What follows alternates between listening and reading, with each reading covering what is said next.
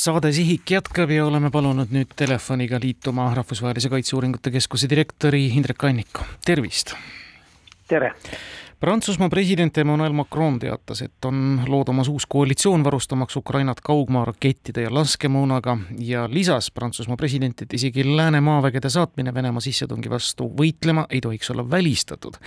see oli päris uljas avaldus, millisena me peaksime seda võtma, kas lubaduse, praalimise või mõningase heidutusena?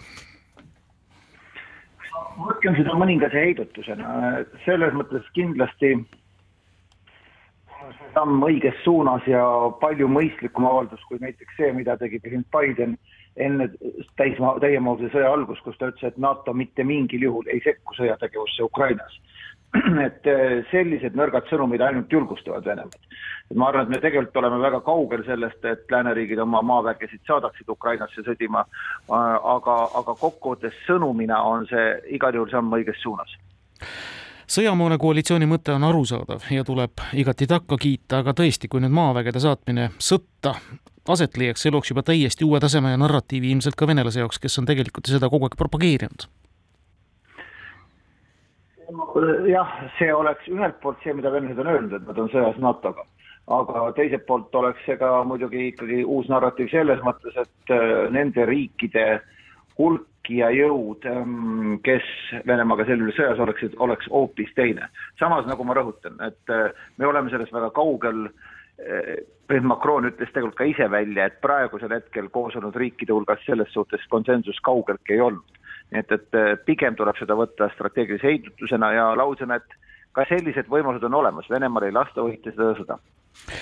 Sõjamoona nappusest on ukrainlased ise palju kõnelenud ja noh, kõnelenud, hüüdnud. Ja milles küsimus, kas see hakkab juba ka siis doonorriikidel nii palju otsa saama, et ei tule kaitsetööstused nii palju järgi, kui peaks või lihtsalt kulubki seda sõjamoona suurel rindejoonel nõnda palju?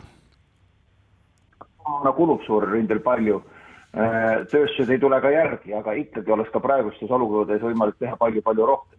et Prantsusmaa ka ise olnud ju kriitika all teiste liitlaste poolt, et äh, nemad on välistanud selle moona ostmise kolmandatest riikidest. Türgi esmajoones, aga samamoodi ka Lõuna-Korea ja, ja Pakistan.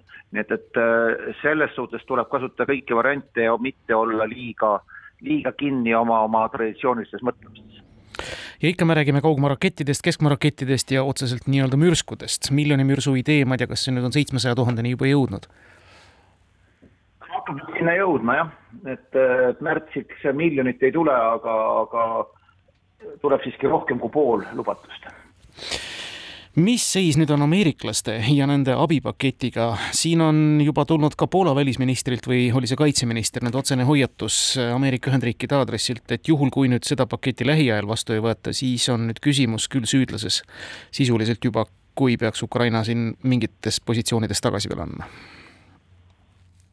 surve Ameerika Ühendriikidele on tugev, et see oli tuntav ka mõne nädala eest Münchenis sealsel julgeolekukonverentsil, kus oli kohal Ameerika asepresident, välisminister, väga suur hulk senaatoreid. ja Ühendriikide käitumine on piinlik, Ühendriikide kongressis on see pakett veninud rohkem kui neli kuud ma saan aru, et, et nüüd kohe-kohe toimub president Bideni kohtumine kongressi mõlema koja liidritega, nii vabariiklaste kui demokraatidega ja, ja esindajate koja, koda hakkab nüüd varsti puhkuselt tagasi saabuma, kuhu ta kaheks nädalaks läks. et eh, ma ei julge öelda, mis seisus see on, ma ei julge öelda, kas vabariiklased on valmis järeleandmisteks, ma ei julge öelda ka seda, et juhul, kui mm, esitada kohe spiiker Johnson ei pane seda asja hääletusele, lõpuks on see tema enda otsustada, kas siis leitakse need kakssada kaheksateist mm, esindajate koja liiget, eh, kes oleks siis üle poole esindajate kojast, kes kirjutaksid alla nii-öelda avaldusele, et see asi läheks ilma spiikri otsuseta hääletusele. seal on küsimusi üsna palju lahti Indrek Annik, tulles korra veel Macroni mõiste juurde, koalitsioon, no mitmed koalitsioonid on ju ka moodustatud, sealhulgas ka lennukite koalitsioon, mis on viimased teadmised nii-öelda F kuueteistkümnete valmisoleku kohta Ukraina sõtta asuda? nüüd on sellised nad suve esimese poole lõpuks ehk kusagil siis tähendab juuni võiksid olla Ukraina, Ukraina õhuvägede käsutuses. ja kui me nüüd kõneleme veel sellisest faktist, nagu ma siin praegu loen, et Kaja Kallas on öelnud ka Karl New York Timesile, et Kreml võib ohustada NATO piire juba kolme aasta pärast. ammugi oleks tahtnud tegelikult mõne mõttekoja esindaja käest küsida, et noh, see jutt kolme aasta pärast, viie aasta pärast, kas ta läheb Baltimaadesse, kombib, tungib ja, ja seda juba päris tingivas kõneviisis, kas seal on pädevust või mitte, mida teie analüütikud ütlevad mõttekojast, kaugele ja millal on Venemaa valmis minema, et õrritada nii-öelda piltlikult öeldes NATO-t? Ma ei, ma ei tahaks hakata nende kolm, viis, seitse aastat mõistetega mängima, et on üsna selge, et kui Venemaa saavutab oma sõjalised eesmärgid Ukrainas mm, ja saavutab täieliku kontrolli Ukraina riigi üle, siis arvata, et ta peatub, oleks väga naiivne, see oleks sama naiivne, nagu läänemaailm oli üheksakümnendatel ja null nullidatel Venemaa suhtes. et äh, ta liigub edasi, ta on lobale sobivas tempos, ta otsib uusi võimalusi laienemiseks ja, ja, ja sellisel, kui Venemaa saavutab oma sõjalised eesmärgid Ukrainas, on on konflikt NATO-ga palju lähemal, kui ta on praegusel hetkel, et see ongi see põhiline põhjus, miks tuleb pingutada, et, et, ähm, et Ukraina ei kaotaks seda sõda. Rootsi liitumine, peatne, mida annab reaalselt äh, nüüd alliansi võimekusele noh, konkreetselt juurde? Midagi sellist unikaalset võib-olla, mida NATO-l varem ei olnudki?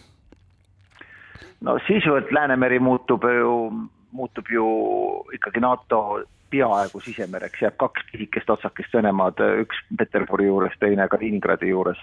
Ehm, et, et see on omaette tähtsus. sõjalise planeerimise mõttes on muidugi NATO kaasanud Rootsit juba aastakümneid, see käis külma sõja ajal niimoodi ja, ja Nõukogude Liit nägi Rootsit sõjalise konflikti puhul äh, lääne osana, mida ta Soome puhul külma sõja ajal ei näinud. et, et selles mõttes võib-olla see areng ei ole nii kiire, aga see muudab, äh, see muudab tegutsemise operatiivsemaks, kiiremaks ja efektiivsemaks, Rootsil on väga arvestatav mere- ja õhuvägi, selles osas on see kindlasti oluline täiendus äh, Läänemerel, Läänemere regioonis lääneliitlastele. et, et äh, see loob paremaid võimalusi sealiste, sealseks planeerimiseks. pluss, pluss see on väga oluline poliitiline märk selles mõttes, et Putin teatud eesmärki mingil juhul ei saavutanud selle sõjaga Ukrainas, vaid vastupidi. et oli üks eesmärk NATO laienemise peatamine, nüüd on läinud täpselt vastupidi, Soome ja Rootsi on NATO liikmesriigid palju ei räägita, aga võiks ju kõneleda ka Rootsi märkimisväärsest luurevõimest, on see siis ajalooliselt olnud juba nii hea ja sellele võib ainult plaksutada?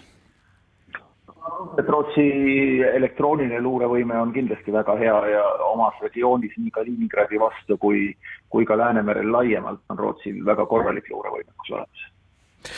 suur tänu meiega tänases saates liitumast, Rahvusvahelise Kaitseuuringute Keskuse direktor Indrek Kannik!